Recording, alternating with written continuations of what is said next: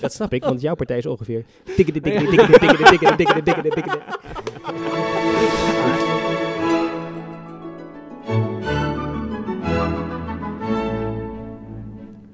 La mano a borsa is het meest befaamde handgebaar, gebruikt door de Italianen, waarbij de vingertoppen worden samengebracht en een soort vibrato-achtige beweging wordt gemaakt.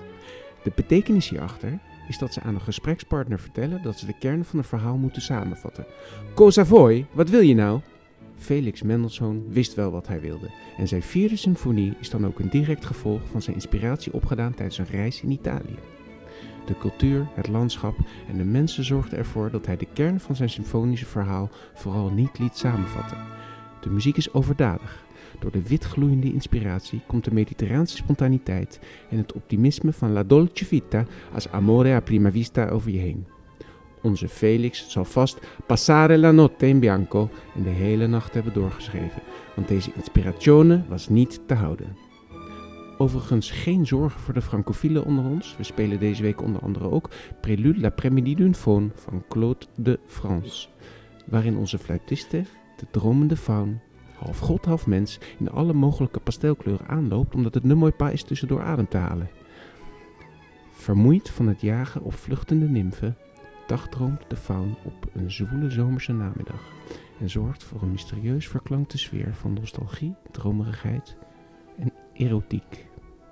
Zo staat de zomer nu echt voor de deur, maar met het programma wordt de bestemming kiezen er niet makkelijker op. Heerlijk. Ja, Ik was weg hoor. lieve luisteraars, live vanuit de Stadspasserie in de Doelen.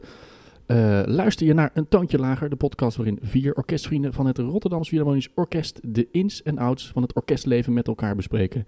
Deze vier vrienden stel ik graag even aan je voor. Naast mij zitten altviolist Gallehet Samson, violist Wim Ruitenbeek, hoornist Pierre Buizer. En mijn naam is Koen Stapert, ook violist. Wat gebeurt erop? En vooral ook achter het podium een kijkje onder de motorkap. Dit is Een Toontje Lager. Hoe is het jongens? Ja, goed, denk ik. Eh, ik heb eh, afgelopen weekend drie keer gescoord met voetbal, dus ik voel me top. Maar Toch even benoemen. ik toch even benoemen, maar belangrijker denk ik wat wij willen weten, en waarschijnlijk de luisteraars ook, is eh, Gala, hoe gaat het met jou? Ja, jongens, het was me toch een avontuur. Ik. Eh, Het gaat over de er- marathon, hè? Dit. Ja, het gaat over de marathon. Het is een eh, ongelooflijk avontuur geweest. Eh, ik heb heel veel geleerd.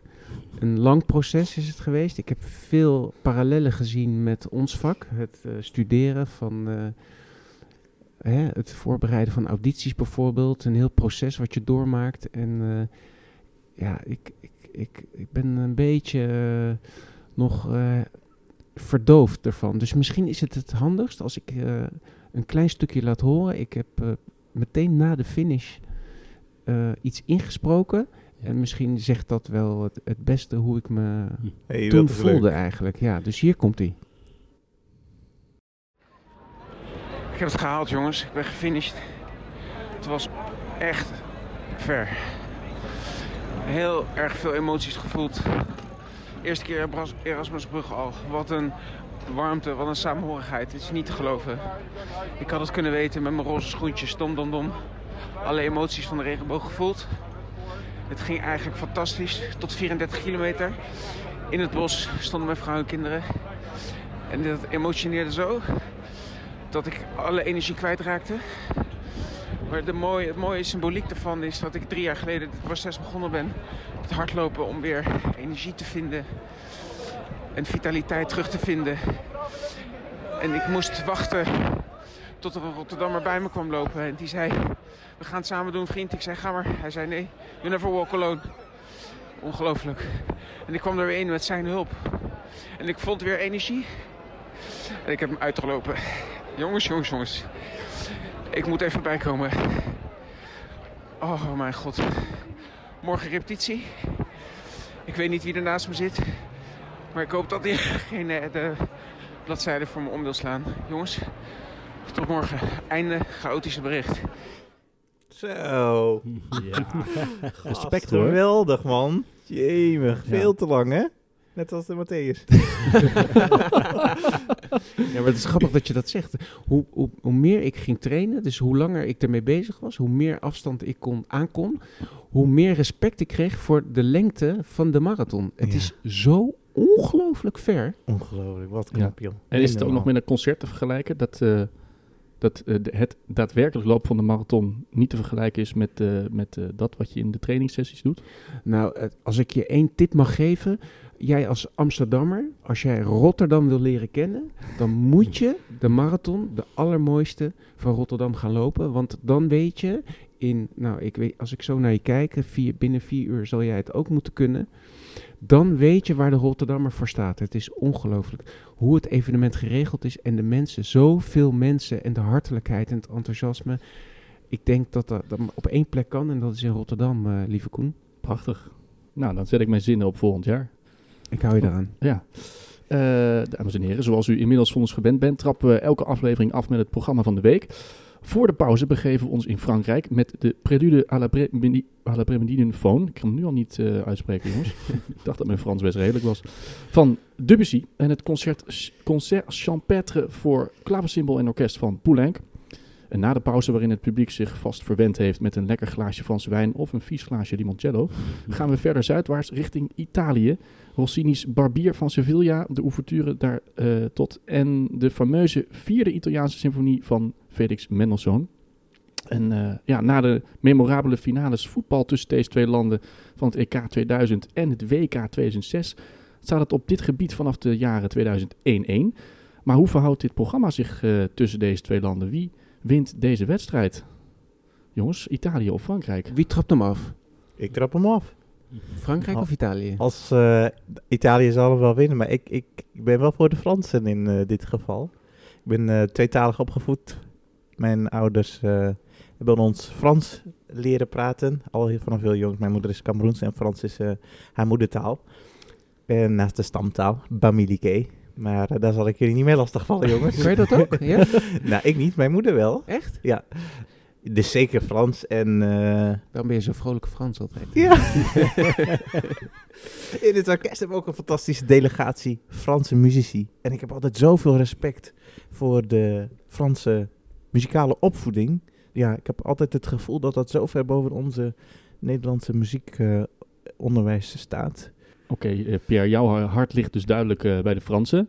Eh, Wim, eh, als je nou echt moest kiezen, het is natuurlijk geen keuze, maar Frankrijk of Italië? Ja, Pierre, je hebt me wel aan het twijfelen gebracht. Maar ik kies toch voor Italië. Ja, Ja, ik zie jou Want? kijken van Ja, waarom. waarom? Ja. Nou, kan ik je uitleggen. Als ik eh, denk aan Italië, denk ik aan, aan, aan eigen ervaringen die ik daar elk jaar beleef. eh, met, met goede vrienden, waaronder mijn eh, goede vriend Johan, die ik al eerder genoemd heb. Ik hoop dat je dit keer wel luistert, Johan. Eh, spelen we elk jaar kaarmuziek in het prachtige plaatsje Montalcino. eh, waar natuurlijk de bekende Brunello-wijnen vandaan komen. Eh, bij een wijnboer Fouligny, waar wij de heerlijkste wijnen, de reserva's, tot ons nemen. En waarin we ook betaald worden Beter. met wijn. En dat is eh, ja, niet de wijn die je vaak krijgt bij de gemiddelde snabbel. ja na afloop in je tasje. Maar dit zijn... eh, nu snap ik waarom jij voor Italië kiest. ja, ja. dat, eh, dat, maar ja, en het is Ja. ook een beetje, weet je, als je in deze vergelijking, het is een beetje de underdog. En ik ben vaak voor de underdog. En ja, als we dan even teruggaan op voetbal, dan denk ik, ja, allebei de landen hebben zulke prachtige voetballers eh, voortgebracht. Je denkt aan Zinedine Zidane, maar je denkt ook aan een Pirlo.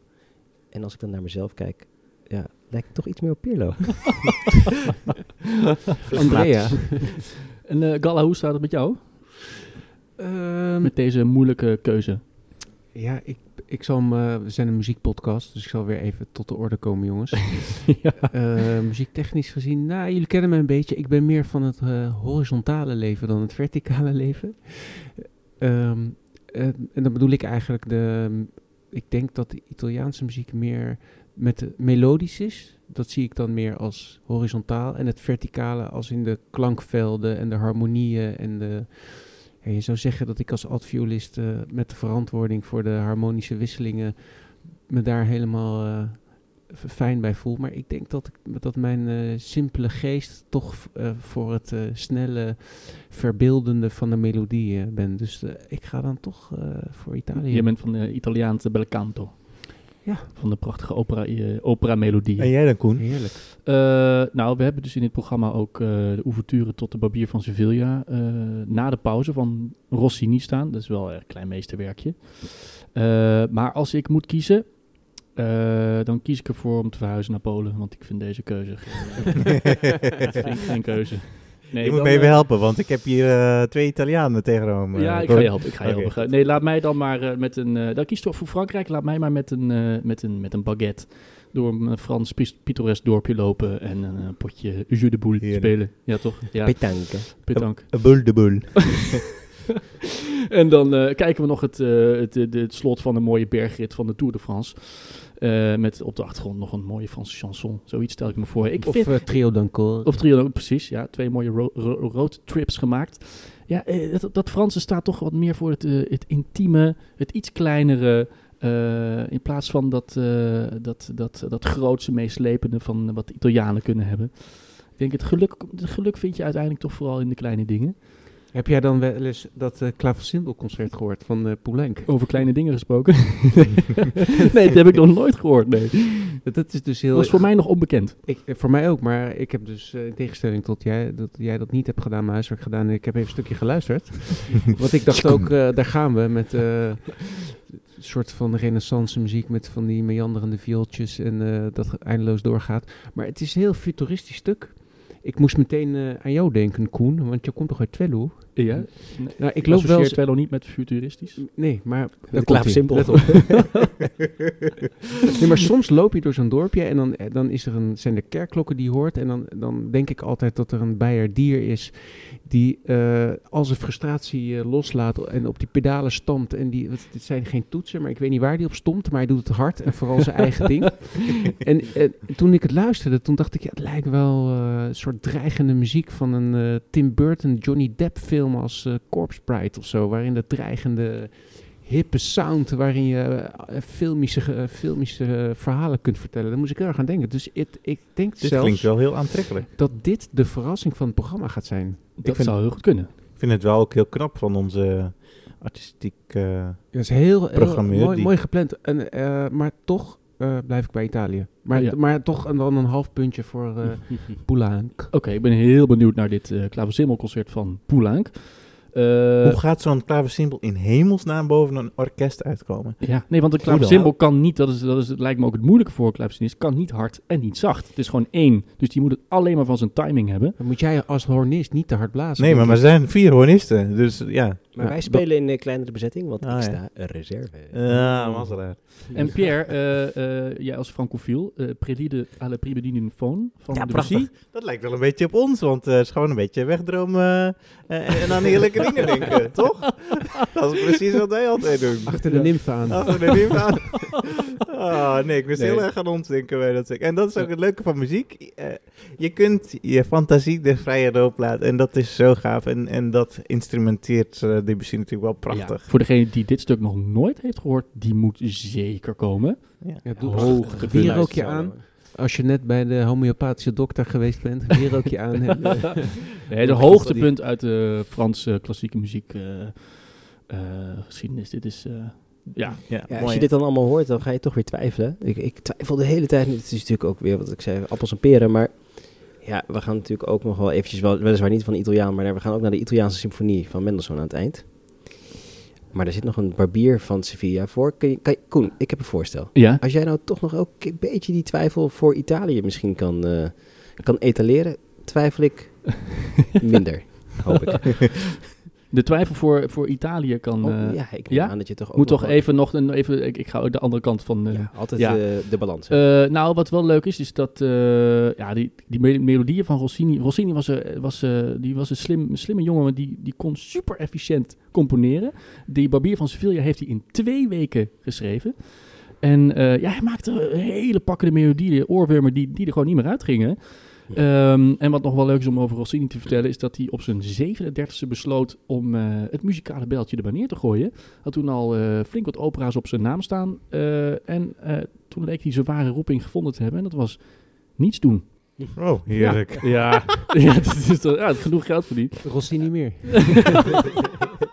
En hij stortte zich daarna op een andere passie van, en dat was koken. En eh, van zijn hand kennen we nog altijd de Tourne-do Rossini. Eh, dat is een eh, recept voor haastbiefstuk op een in jus gedrenkte crouton. Geserveerd met in boter gebakken ganzenlever, enkele plakken geschaafde truffel, besprenkeld met madeira en vaak nog geserveerd met spinazie en aardappeltjes. En eh, Rossini zou dit gerecht aan de Franse chefkok Auguste Escoffier hebben doorgegeven. En het verhaal gaat dat het gerecht vanwege zijn ongebruikelijke bereiding een beetje stiekem aan Rossini zou zijn opgediend om het niet aan de andere gasten te hoeven eh, tonen. En de naam zou dus hierop gebaseerd zijn, waarbij tourner le dos Frans is voor de rug toekeren. Oh, s- eh, eh, Dat is een Ros- hele mond vol. dat is een hele mond vol. Zeker met een eh, stukje tourner do de Rossini. Ja, hij was dus niet lekker. Rossini is trouwens verhuisd naar Parijs. Heeft daar het merendeel van zijn leven Oei. gewoond. Oeh. Ja, dan gaat hij toch Eh, weer. toch ja. weer de Franse kant op. Ja. Oké eh, jongens, ik ga er toch even overheen. Ik ga er toch overheen. Ik ga dus weer twijfelen nu richting Frankrijk. Maar ik wil blijven bij dat Italiaanse. Ja. En dan hebben we als, als slotstuk van de avond hebben we de Italiaanse symfonie van Mendelssohn. Oeh, de klapper van de... De klapper van de avond. En jongens, we beginnen... Zal ik het even zingen anders voor jullie? Ja, ja, ja, kom ja, maar door. Ja, Ja, ja, ja, ja, ja. Ja, mooi. Ja, dat, dat begin is wel echt een champagnekurk die eraf Ja. afvliegt. Ik word ineens voor Frankrijk. Dat snap ik, want jouw partij is ongeveer... Oh, ik, kijk er zo naar uit, jongens. Naar die, naar, die, naar, die, eh, naar die Italiaanse symfonie. Dat is een half uurtje pure vreugde, pure joy zou ik willen zeggen. En eh, uiteindelijk, weet je, of je nou voor Franse muziek, Italiaanse muziek, Frankrijk, Italië bent. Als je voor één van die twee landen bent, of voor allebei, zoals wij eigenlijk nu ook zijn, Ja. kom naar de concerten. Ik denk dat dit een, eh, een ongelooflijk eh, spannende, bruisende en energieke avond gaat worden. Dit is Feel een, good. Ja. Ja, Ja. dit is een programma om je vingers bij af te likken. Ja, zeker. Leuk. Zeker na een stukje Tourne door de Rossini. Kan je dat veganizen eigenlijk? Nee, hè? Oeh, Nee, ik blijf bij. Italië. Tourne door de Rossini à la bloemkool. Eh, nee. Je hebt nog wat bij te leren. Oei, Kom, komen we nog op. Oei, oei. Ehm, ik denk dat we ook even in moeten gaan op het debuut van eh, de jonge Russische dirigent Maxim Emeliantjev bij ons orkest. Geboren in 1988. Mooi jaar. 88, kampioensjaar. Jongens. Ah, goed. Jammer, dat heb ik dan net weer niet meegemaakt. Nee, je bent geen kampioen, Koen. Komt ooit nog. Toch is jouw bijnaam Koen kampioen. Kampioen. Een futuristische blik. Eh, eh, wat verwachten we van deze jonge dirigent? Kent iemand hem al? Nee, Ik niet namelijk. ik ook niet. Ik ken hem alleen van verhalen. Die zijn in de basis eh, vrij positief, energiek, eh, bijzonder. Wat ik hoor. En eh, kan alle kanten op. Nou, dat klinkt eh, een beetje als deze podcast. Ik, ik had mijn bril niet op en ik zag hem voorbij komen in de, op de social media. En dan dacht ik, is dat nou Messi? Ik denk, nou even de, de content openen. Was, geen, geen Messi. Maar niet zo eh, groot als Messi.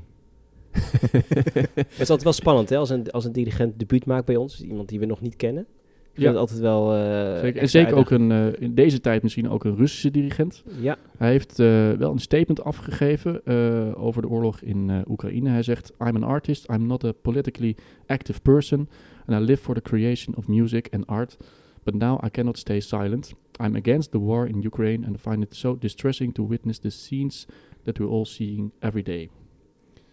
Nou goed, we hoeven Ja, goed, ons daar in ieder geval niks zorgen te maken. ik. Want hij werkt in Europa, hè?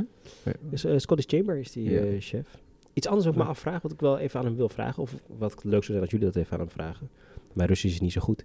Maar eh, is het nou Emilian chef of Emiliani chef? Is er iemand? Ik heb geprobeerd te vinden op Russische websites, maar ja, ik werd meteen gehackt. Emilian Shevsky. ja. ja. Ik heb, nee, ik heb Koen is wel goed in namen, Koen. weet Ja, je? maar Russische namen niet zo. De enige manier om erachter te komen is door het hem zelf te vragen, denk Oké. ik. Ja. Ja. volgende week even doen. Emil.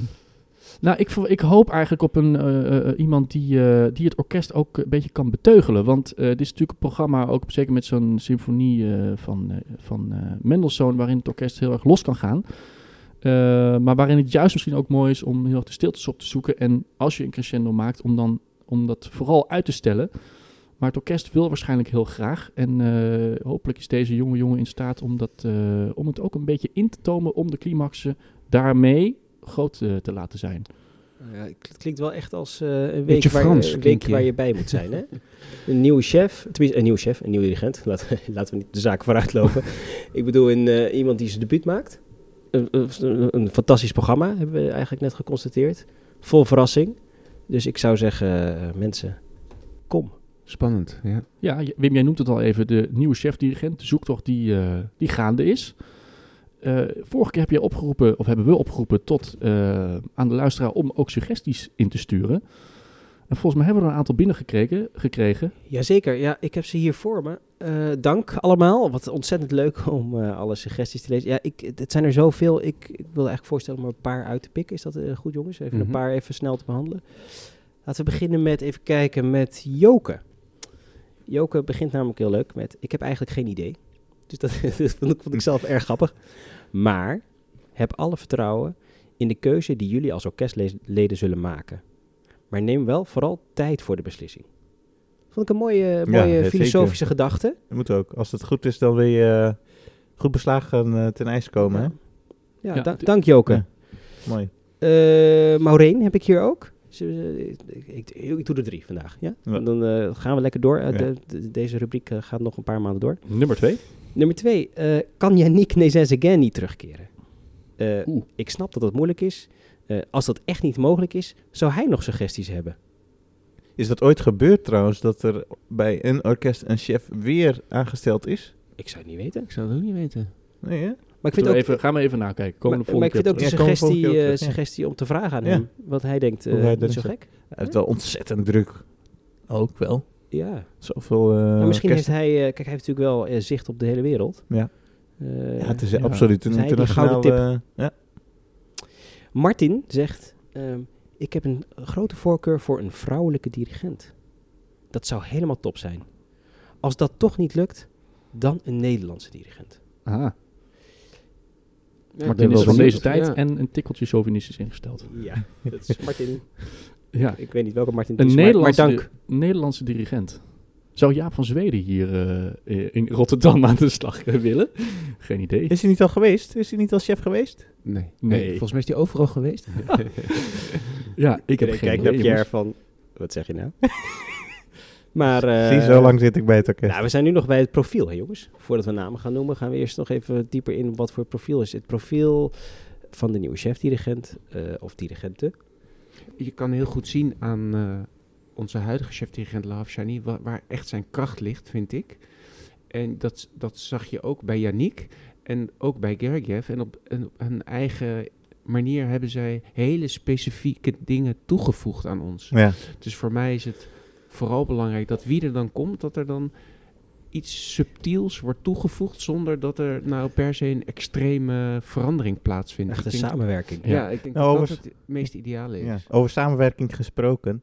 Eh, ik kreeg ontzettend veel leuke reacties op onze lounge. En eh, ik vind dat echt geweldig. Het was zo in spanning om te kijken hoe iedereen zou, zou reageren. En ik kreeg... eh, De via van de podcast bedoel De je? launch van de podcast. Ja. En ik vond het zelf ook spannend. Het is toch iets leuks en iets nieuws. En collega's zullen zij het ontvangen. Maar we zijn echt overladen met goede berichten van vrienden, super, familie. super, ja. en ja, we hopen natuurlijk dat jullie blijven luisteren allemaal. En dat wij ook ja, meer kunnen doen.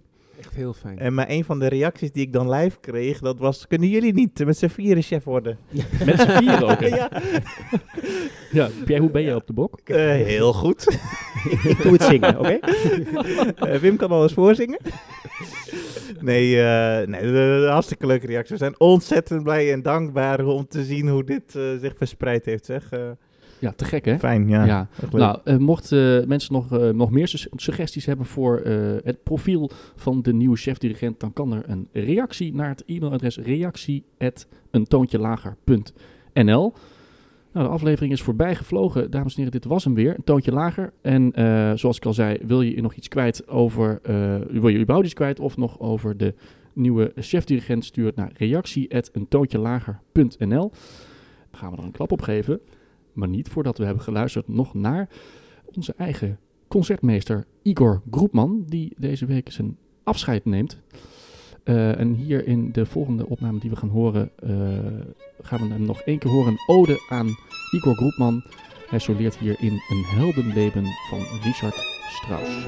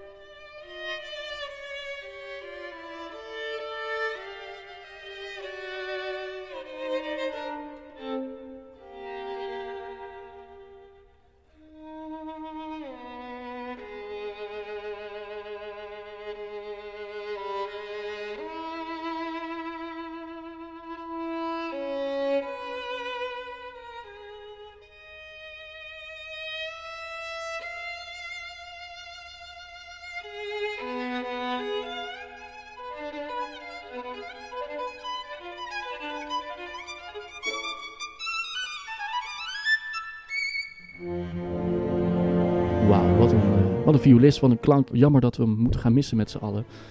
Dankjewel Igor voor al die jaren dat jij eh, bij ons bent geweest. Volg ons en abonneer je op onze podcast op Spotify, de Apple Podcast app of via de Google Podcast. Tot de volgende Lager.